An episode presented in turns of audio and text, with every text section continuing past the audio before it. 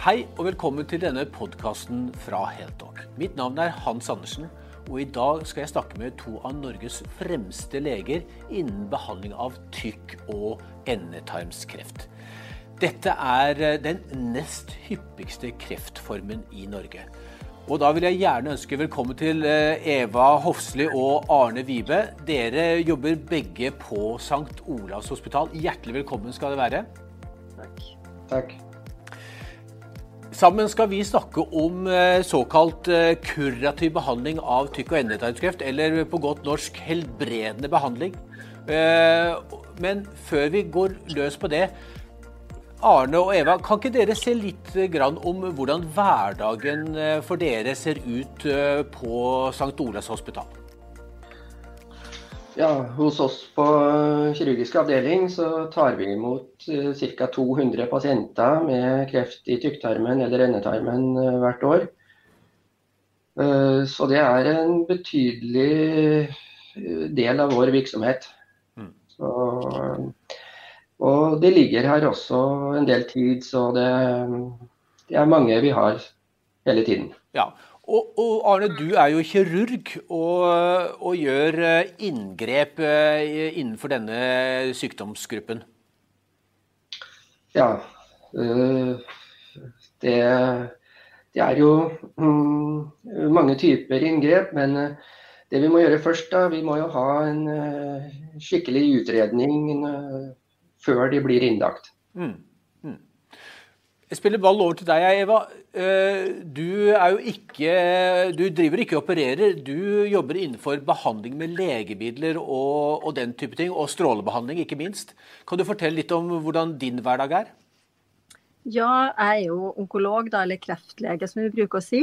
Mm. Og Det betyr som du sa at eh, jeg opererer ikke, men jeg gir behandling i form av cellegift og strålebehandling hvis det er nødvendig. Så etter at vi har diskutert aktuelle pasienter, så, så, kan det være at Arne da henviser pasienten til meg for videre behandling i form av cellegift eller strålebehandling. Mm. Og Vi skal komme nærmere inn på hvordan dere to samspiller, for dere inngår jo i et, et større kreftbehandlingsteam oppe på St. Olav, hvor dere er to viktige brikker eh, i dette teamet. Kan dere bare kort også fortelle hvilke andre eh, profesjoner som eh, dere har med dere når dere skal behandle og diagnostisere og følge opp en pasient? Ja, jeg kan jo kanskje si litt at såkalte MDT-team, eller tverrfaglige team, det mm. har vi hatt noen år nå. og og da I tillegg til kirurg da, og onkolog, så er jo ikke minst eh, en radiolog, altså de er gode på eh, bilder, CT-bilder eller MR-bilder, er jo en viktig del av det teamet. Og så hender det av og til at f.eks. en patolog er med på et sånt møte. Mm. Og, og, patologen, det er han som driver, eller hun som driver bildediagnostikk, det skjønner vi. Men patologen, hva gjør en patolog? Ja, De undersøker jo uh, vevsprøver fra svulsten som er tatt under utredninga. Uh, fra en koloskopi f.eks., som er en slangeundersøkelse av tarmen. Som uh, er den første undersøkelsen som blir satt i gang når det, pasienten har symptomer på kreft i tarmen. Mm. Uh, og Så får de disse vevsbitene på patologisk avdeling og ser på det i mikroskop. Uh, om det er kreft eller og, ja, hvor eh, langt den har kommet egentlig også. Mm. Det skal vi komme litt mer tilbake til. Selve behandlingen eh, og diagnostiseringen. Men aller først, altså vi skal jo snakke om helbredende behandling. For det er jo heldigvis, selv om dette er en stor eh, kreftsykdom og en alvorlig kreftdiagnose, så er det jo også mange som blir helt friske av denne, av denne sykdommen. Eh, til deg, Arne. Hvor mange pasienter som kommer til dere eh, som har tykk- og endetarmkreft, blir kurert?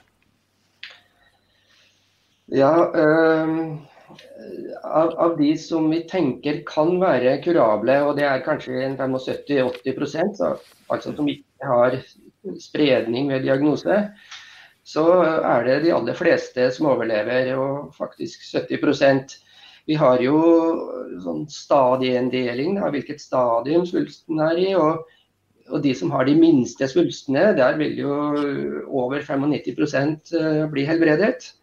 og så er det de som har spredning til lymfeknuter og sånn. Da, da, er sjansen litt redusert, kanskje på 70-tallet. Mm. 70 og det, det, innebærer jo, som du sier, Arne, at, at, det er jo størrelsen og utvikling på svulsten som har en stor betydning for om dere klarer å gjøre folk friske. Uh, og Eva, da er det jo diagnostisering vi kommer inn på. Altså det å, det å bli tidlig diagnostisert er jo viktig. Og, og, og, da er det vel veldig mye opp til pasienten eller personen selv å avdekke om det er symptomer på tykk- og endetarmskreft, er det ikke slik? Jo, det er jo klart at uh det kan være flere mm, eh, ting som gjør at pasienten kommer til utredning med koloskopi, som Arne sa. Mm. Eh, flertallet oppsøker jo fastlegen sin for at han har fått et symptom. Og da er det jo f.eks. blod i avføringa er et alarmsymptom. og påvisning av at du har lav blodprosent f.eks. Og så kan det være smerter, gjerne f.eks. ved endetarmskreft, uh, som er på en måte kanskje de viktigste symptomene, eller slapphet. Mm. Eh, så det er jo viktig å være kjent med det, og at eh, pasientene går til fastlegen hvis det er noe endring eh, i avføringsmønsteret f.eks. Mm. Så, så, hvordan konkret skal pasienten være obs på dette, Eva og Arne? Hva, hva, hva, skal de se etter? De skal se etter blod i avføringen. Er det andre ting de skal være obs på? Ja, det er jo hvis de får eh, oppblåst mage, treg avføring. Eh, da kan det jo tyde på at det er en svulst inni tarmen som blokkerer eh, avløpet. Mm. Men det kan jo også være at de ja, har smerter pga. det. Da. Men så det som er endring i avføring òg, sånn vekslende avføring mellom treg og løs avføring, det er ofte et symptom på det. Mm. Og så folk må følge med hvordan egentlig tarmen fungerer. Og, og, hvis det er noe endring der, så må de oppsøke lege og få hjelp. Og Da er det jo fastlege som er det, det første kontaktpunktet til, eh, til, dette. Og Eva, når da fastlegen henviser pasienten til dere, hva, hva skjer hos dere da? Eh, først og fremst så er det kanskje kirurgisk eller eventuelt medisinsk avdeling som får den henvisningen. Eh, og da er det jo det å kikke inn i tarmen som er første punkt i utredningen. Så det kunne kanskje Arne si mm. litt om. Ja. Ja, da blir jo pasienten henvist til gastrolab. Eh, det er en del av indremedisinsk avdeling. og Der vil det da gjøre en koloskopi, altså bruke en slange og kikke inn i tarmen gjennom hele tykktarmen. Og, det er også da mulighet for å ta vevsprøver hvis de finner en svulst eh, inni tykktarmen. Men for å undersøke eh, endetarmen, så blir pasientene henvist til eh, kirurgisk poliklinikk for en rektoskopi. Det er en veldig kort undersøkelse som bare tar få minutter. Og man kikker gjennom et rør inn i endetarmen og eh, kan også da ta prøve gjennom det røret og sende til patologilab for å få svar på hva det er. Og Hvis det da viser seg at uh, denne prøven fra fra, som er gjennomgått av patologer, viser seg at det er kreft, hva, hva, skjer da? Da vil de få full utredning på røntgenavdelingen med CT både av bukhulen og, og uh, brysthulen. Og hvis det er en svulst i endetarmen, så må vi også gjøre en MR av bekkenet. Da det gir bedre bilder enn CT eh, i det området. Dette er jo, eh, Arne, Du beskriver jo en relativt omfattende, eller svært omfattende diagnostiske prosedyrer her. Eh, hvor lang tid totalt tar dette for pasienten, Eva? Eh, for en del år tilbake så innførte myndighetene noe som heter pakkeforløp. og Det var nettopp for å sikre seg at flertallet av pasientene får en rask eh, utredning. For vi vet jo det at det kan være viktig med tanke på å ha mulighet for å helbrede pasienten. Eh, så utred, Da er det definert utredningstida. Så mye er gjort i løpet av 14 dagers tid. Da har pasienten vært den slangeundersøkelsen, den koloskopien som Arne beskriver. Og, og CT er tatt, og, vi, og patologen har sett på vevsprøven. Og vi har på en måte nok til å kunne uh, vurdere og diskutere og finne ut hva slags behandling som vil være den beste for den aktuelle pasienten. Det er det som heter pakkeforløp. Mm. Og Hvor lang tid tar et slikt pakkeforløp? Kanskje ca. to uker, vil jeg si. Ja, to uker, ja. Mm. Og etter det så vil dere, hvis det da, så vil dere starte en, en konkret behandlingsforløp. Da skal vi gå litt inn på det forløpet. Eh, og Da spør jeg litt generelt i starten. Hvilke type behandlinger er det da som er relevante? Det, og Da regner jeg med at det vil være avhengig av hvor, hvor langt skred skreden kreften er kommet? Ja, det er riktig. Ehm, for de som ikke har spredning eh, ved diagnose, men som har en kurabel eh, sykdom eller det er mulig å helbrede. Så er det kirurgi. Og det er mange typer inngrep, avhengig av hvor svulsten er lokalisert. Eh, I tykktarmen så er det jo det standard å fjerne en del av tykktarmen, og som også da skjøtes sammen, slik at man slipper. Mm. Mens um, en del av de som har svulst uh, i endetarmen, de, de, må ha en operasjon hvor de må faktisk fjerne hele endetarmen og analkanalen og, og få en permanent utlagt uh, tarm. Mm. Men, uh, men det er bare en 30-40% av de som har kreft i endetarmen. Mm. Så, så, de aller fleste eh, så er dette en relativt eh, ikke altfor radikal prosedyre? Det stemmer. Eh, så det avhenger jo litt av størrelsen på svulsten når den er i bekkenet. Så hvis den er, eh, har kommet langt og blitt veldig avansert, så må vi gjøre et større inngrep i bekkenet. Mm. Det skal også sies at de som kommer veldig tidlig, de kan få veldig mye mindre inngrep som er eh, mye lettere å tåle, og hvor de har et veldig kort sykehusopphold. Så, så det er eh, store forskjeller i type behandling, avhengig av hvor langt svulsten har kommet. Og Eva, eh, i det forløpet, behandlingsforløpet nå som Arne beskriver, når er det dere kommer inn med legemiddelbehandling, cellegift og eventuelt strålebehandling av pasienten? Ja, altså Da er det jo sånn eh, som nevnt at vi diskuterer jo pasientene på forhånd i sånn såkalte tverrfaglige team. og Da legger vi liksom plan for om det skal gis cellegift f.eks. før operasjon. Eh, eller om vi trenger å gi strålebehandling før operasjon hvis det er endetarmskreft. Um, sånn at Vi som kreftleger kommer jo først, vi jo inn da når vi skal gi enten cellegift eller strålebehandling. Uh, så er det sånn at De pasientene som opereres i utgangspunktet, da, og, og, og, så får vi for Arne svar fra patologen at det er spredning til lymfeknuter som ligger rundt svulsten, så vil han henvise til kreftklinikken for oppstart av tilleggsbehandling med cellegift, som vi da gir til de pasientene som har spredning til lymfeknuter. Eva, uh, det det behandlingsforløpet som nå Arne beskriver, når er det dere onkologer kommer inn med eh, behandling med cellegift og eh, eventuelt eh, radioterapi? Altså Cellegift ved tarmkreft det gis først og fremst etter at pasienten er operert. Og Bakgrunnen for det er at patologen da, som undersøker preparatet som er tatt ut, finner spredning til lymfeknuter som ligger rundt svulsten. Og da vet vi at det å gi tilleggsbehandling, altså cellegift i tre til seks måneder etter en sånn operasjon, det bedrer muligheten for å bli helt frisk.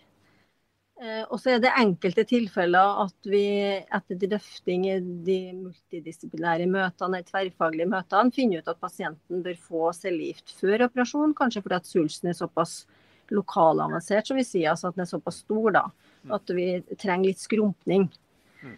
Eh, og så er det en annen stor pasientgruppe, og det er de med endetarmskreft, eh, hvor, hvor, kanskje noen og 30 trenger strålebehandling eh, før operasjon. Og Da er det sånn at de er gjerne hos oss i fem uker får strålebehandling kombinert med noen cellegiftstabletter.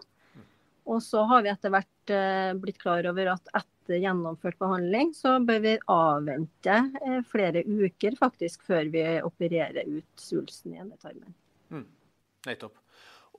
Og med all denne innsatsen som legges inn her, hvor mange blir eh, friske og kurert?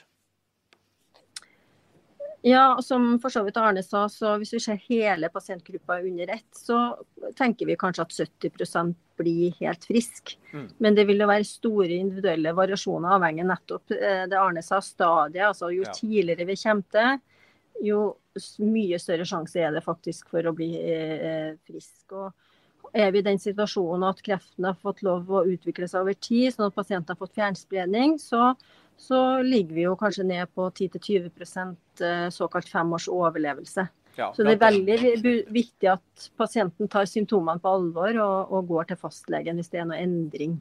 Mm. Hvis vi forholder oss til de som da har et, et, et, et positivt forløp, da, og som eh, blir kurert, hvor, hvordan følger dere opp pasientene etter, eh, etter den etter at cellegiften og eventuelt radioterapien har vært fullført? Ja, de følges opp ved kirurgisk poliklinikk eh, i fem år, faktisk. Eh, og det vil da være sånn at pasienten må til røntgenavdelingen før han skal til konsultasjon med doktoren på poliklinikken. Og, og ha CT-bilder eh, og blodprøve og, og, da vil vi jo ha de resultatene klare når pasienten kommer på poliklinikken og så er undersøkelse. Mm.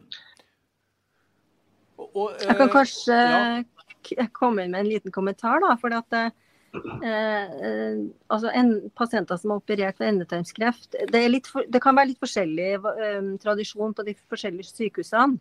Eh, så jeg vil bare føye til at fastlegene er faktisk også viktig i oppfølgingen av de pasientene mm. her. Mm. Så mange som har operert uh, ukomplisert for tarmkreft, vil jo få oppfølging, som Arne beskriver, hos fastlegen sin. Mm. Ja, stemmer. Og, og, særlig for kreft i tykktarmen, uh, så er det slik. Uh, men jeg tror både fastleger og, og sykehusleger de følger jo nasjonale retningslinjer for dette her som som vi oppdaterer regelmessig. Mm, nettopp. Arne, du var inne på at en del pasienter de trenger også stomi fordi at de får, fjernet store deler, hele deler av tarmen. Hvordan, hvordan, hjelp får de? Ja, De får jo hjelp hos stomisykepleier som jobber ved kirurgisk poliklinikk. så De har jo egne konsultasjoner med pasientene. Det kan enten være samme dag som pasienten er til doktoren til kontroll, eller at det er en annen dag. Eller at også selvsagt for de som følges av fastlegen, de har jo også tilgang til å få konsultasjon da, hos stomiterapeut. Mm. Så der får de veldig god hjelp. Og det går jo bra med de aller fleste, heldigvis. Men eh, det er jo også noen komplikasjoner som kan oppstå i et så avansert behandlingsforløp eh, og, og, og, med mye operasjon og strålebehandling og, og medisiner. Kan, kan dere fortelle oss litt eh, hva er denne type komplikasjoner? Ja, I forbindelse med operasjon så kan det jo være en uh, rekke ting som kompliserer forløpet. Uh, og Det er jo særlig også fordi at uh, det er en operasjon på tarmen. Det er et inngrep på et urent område. Så det er ikke uvanlig at man får en sårinfeksjon da, i operasjonssåret. Og så er det jo det med når man blir operert, så er man litt mer utsatt for å få blodpropp i forløpet. Selv om eh, alle får blodfortynnende medisin i forbindelse med inngrepet og dagene etterpå, faktisk. Så de som er operert for kreft, de skal egentlig ha eh, blodfortynnende medisin i fire uker etterpå. Mm. Men så er det jo en spesiell type komplikasjon som er ved operasjon for tarmkreft når vi har skjøtet tarm sammen. Og Det er et område som blir veldig sårbart for tilheling, nettopp pga. Uh, tarmbakterier i området. Uh, så det er faktisk inntil 5% som kan få en skjøt som ikke tilheler, og det blir lekkasje. Og Det er en betydelig komplikasjon og påkjenning for pasienten. Og de må da ofte, i hvert fall for en tid, ha en utlagt time. Hvordan kan man forebygge disse, disse komplikasjonene? Er det mulig å gjøre det?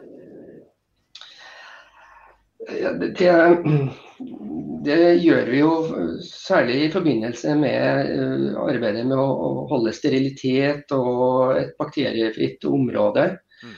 Så faktisk De senere årene så har det blitt mindre infeksjoner hos pasientene som er innlagt hos oss. Mm. Det er gjennom hele behandlingsforløpet. og det vil jo også være sannsynlig at uh, i forbindelse med pandemien med korona nå, så, så, har det jo blitt veldig fokus på hygiene også blant legfolk. Så, så, pasientene er nok også flinkere. Ja, det er veldig bra. Og når er det pasientene kan eventuelt begynne å jobbe igjen, Eva? Er det, er det noen, noen, statistikk på det? Mm.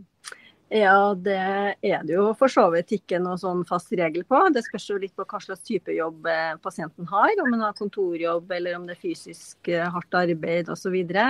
Eh, sånn at rent etter sånn operasjon da, så finnes det jo regler for hvor mye, hvor mye pasienten eventuelt skal trene eller belaste kroppen. Men, men det er i utgangspunktet ikke noe veien for at pasienten kan gå tilbake til jobb så fort han føler seg både motivert og i stand til det. Mm. Eh, men de fleste vil jo da være, eh, som kommer til oss og som skal ha tilleggsbehandling etter cellegift, vil jo vanligvis være fortsatt sykmeldt sånn fire til seks uker etter operasjonen. Da. Og cellegiftbehandling som tillegg, det starter vi som regel innen fire til seks uker etter en sånn type operasjon. Ikke sant. Og Så går man da til jevne kontroller. og Slik det er med all type kreft, eh, det kan dessverre komme tilbakefall. Eh, hvordan type tilbakefall er da vanlige, hvis man kan si det? Ja, det er jo, altså Kreft kan jo spre seg på mange måter, for å si det sånn. Vi har jo mm. snakka litt om at eh, kreftsvulsten i seg selv kan bli stor og vokse gjennom tarmveggen. Mm. Og så er det jo også spredning til lymfeknuter. Men når vi tenker i oppfølgingsøyemed, så er det jo først og fremst spredning til fjerntliggende organ. Mm. Og da er det lever og lunge som på en måte er de stedene som oftest blir ramma hvis pasienten får tilbakefall. Mm, nettopp. Arne, har du noen synspunkter på det?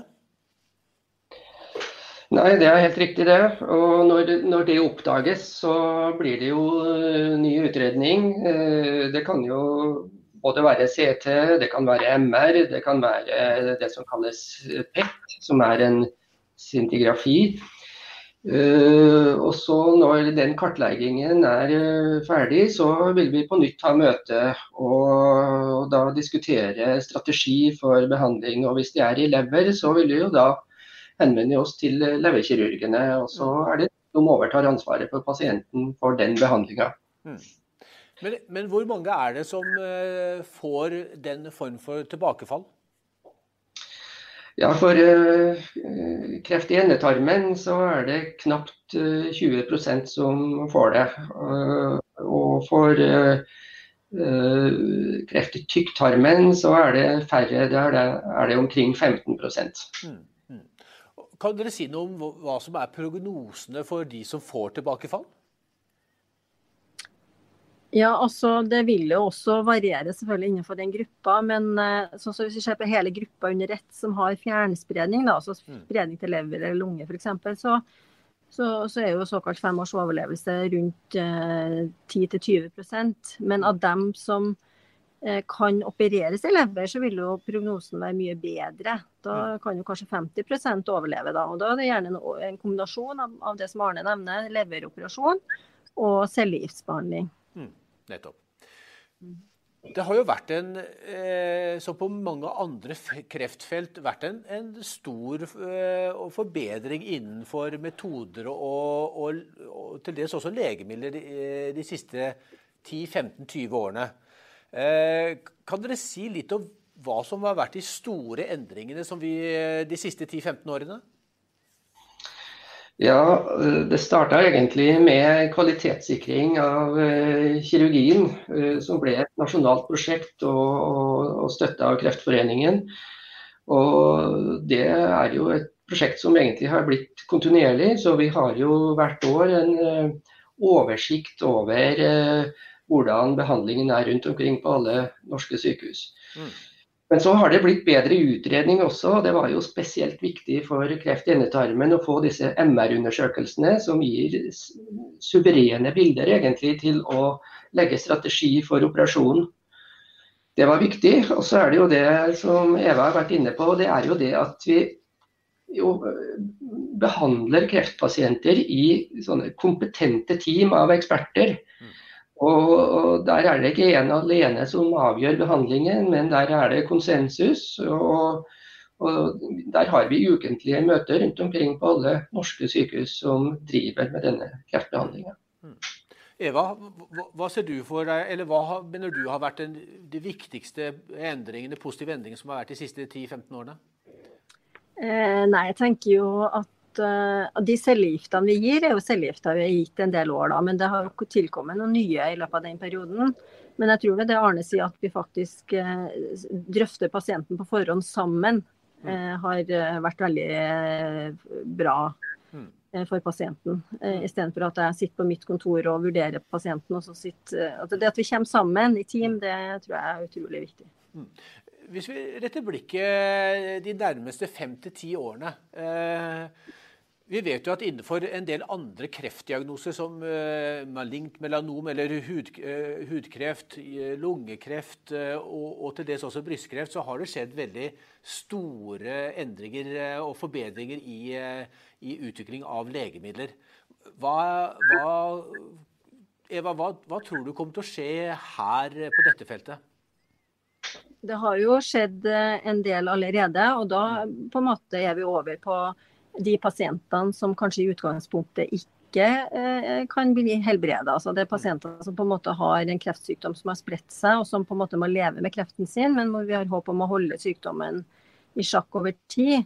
Og Der har vi jo i tillegg til cellegifter, nye cellegifter også fått såkalte antistoff som vi benytter oss av. Og så har også immunterapi kommet inn foreløpig for en liten Mm. Eh, behandlingsgruppe. da. Mm. Så, så, det har jo skjedd eh, mye på behandling når det gjelder livsforlengende behandling ved tykk- og endetarmskreft. Tror dere at uh, f.eks. immunterapi eller, annen, eller målretta terapi også kan settes inn i et mye tidligere forløp, også blant de som uh, ikke nødvendigvis har spredning? Ja, altså det har jo vært litt, gjort litt forskning på det, men uh, alt har jo selvfølgelig ikke vært gjort. Så det er jo litt for uh, vanskelig å si sikkert i dag. Men selvfølgelig, det, det er jo en mulighet til at, uh, at, nye stoffer kan komme inn også i den fasen hvor pasienten har et kurativt løp. Mm, mm. Jeg må jo kunne legge til at uh, det som også vil ha stor betydning i fremtiden, og kanskje den nære fremtid også, det er jo det nasjonale screeningprosjektet som uh, starter neste år. Mm. Og, og, der må jeg bare si jeg vil oppfordre alle som får innkalling eller tilbud om en screeningprøve, at de, at de deltar. Det, da vil det ha enormt bety stor betydning. Særlig fordi at eh, de svulstene vi oppdager ved screening, de er i så tidlig stadium, så uh, i stadium 1 de aller fleste, og noen får stadium 2. Og der har vi veldig god helbredende behandling. Mm. Og, og, det ser ut til at dette screeningprogrammet vil starte med at man får um, spørsmål om å sende inn avføringsprøve uh, som blir undersøkt på blod i avføringen. Da, og så dette blir veldig spennende å følge med på i årene fremover. nå. Hmm. Det er eh, veldig oppløftende ting som skjer innenfor eh, dette feltet. Eh, og ikke minst er det da viktig at pasienten selv, eller vi som er kanskje litt godt voksne, at vi passer litt på og, og følge med på vår egen helse. For det er vel særlig mennesker eh, i 50 pluss og oppover som, som også denne kreftsykdommen rammer mest? Ja, det er helt riktig. Det er mange som er gode til å passe på andre, men er dårlige til å ta vare på seg sjøl. Jeg tror det at uh, når man er voksen, så må man tenke på det her. Mm. Og det er litt som du sier, at denne sykdommen er vanligst for de over 40 år. Men det vi ser av trender fra nye studier nå i Europa, så er det faktisk eh, de som, eh, hvor incidensen øker mest, det er blant de mellom 20 og 40, faktisk. Og, og, så det, det, tror jeg at uh, både folk og uh, ja, pasienter og leger må tenke på. Uh, mange har kanskje symptomer, men de tror ikke at det kan være en kreftsykdom, for de er så unge. Mm. Det slutter de å tro på. Mm. Så, så, det å følge med og ta en tur til legen heller én gang for mye enn én gang for lite, det er viktig. Gammel og god regel, det, ja. ja. For det er ingen som egentlig har lyst til å komme til dere to. Det kan vi vel slå fast. Nei, nettopp. Og det kan de kanskje slippe hvis, eh, hvis de oppdager kanskje en svulst som ennå ikke har blitt til kreft. Fordi at Først er de jo godarta. Det tar jo litt tid før de blir ondarta. Men eh, når de får symptomer, så har de blitt ondarta. Ja, for det er vel slik at det tar opptil 10-15 år fra en uh, polypp, eh, som er jo i realiteten ufarlig, utvikler seg til en, en, en kreft. Er det ikke slik? Jo, vanligvis så er det slik at uh, kreftutviklingen går over lang tid. og Derfor er det mulighet til å, å, knipe kreften på et tidlig tidspunkt der mulighet for helbredelse er stor. Og så finnes det noen unntak. Kanskje de som har f.eks. Eh, såkalt arvelig kreft, altså at det er et gen som arves eh, fra eh, generasjon til generasjon, som, hvor kreftutviklingen skjer raskere. Mm. Så, men i det store flertallet så er det riktig det du sier, at det utvikles over år. Mm. Og jeg må også spørre eh, det som går på, og Du var inne på det, Eva. Det å gå og se på kreftens genetiske egenskaper. Det å se på hvilken type kreft, hva, hva, hvilket, hva den uttrykker. Er det også en av de tingene som, som, er viktig å komme inn på når dere gjør en diagnose? Absolutt. Eh, det gjøres jo i dag, at vi ser på en del eh, genvarianter, for å si det litt enkelt. og og det kan være med på for det første å styre medikamentell behandling, men også f.eks. si at pasienten kanskje ikke trenger denne tilleggsbehandlingen ved cellegift etter operasjon. Mm. Så, så, det er veldig viktig. Og det gjøres jo rutinemessig i dag. Eh, så gjøres det genanalyser av eh, kreften. Mm. Eh, Eva og Arne, Tusen hjertelig takk for at dere ville være med oss. Vår tid er ute. Eh, hvis vi skal prøve oss på en oppsummering eh, Det må jo være at folk må ta et større ansvar for sin egen helse. Dette er Norges nest største kreftform. 4500 får tykk- og endetarmskreft hvert år. Eh, men når de kommer til dere, hvis de er, eh, dessverre har utviklet kreft, da har dere en, et tverrfaglig team som kan eh, bistå de til i størst mulig grad å få en vellykket forløp. Er det ikke slik? Sånn er det. Vi står parat og vil hjelpe alle. Ja, det er veldig bra. Eh, ønsker dere lykke til, og alle som lytter til oss, lykke til. Og vi ser i møte eh, det nasjonale kreftscreeningsprogrammet som gjør at Forhåpentligvis så vil færre utvikle kreft. Takk skal dere ha for at dere var med oss. Takk. Selv takk.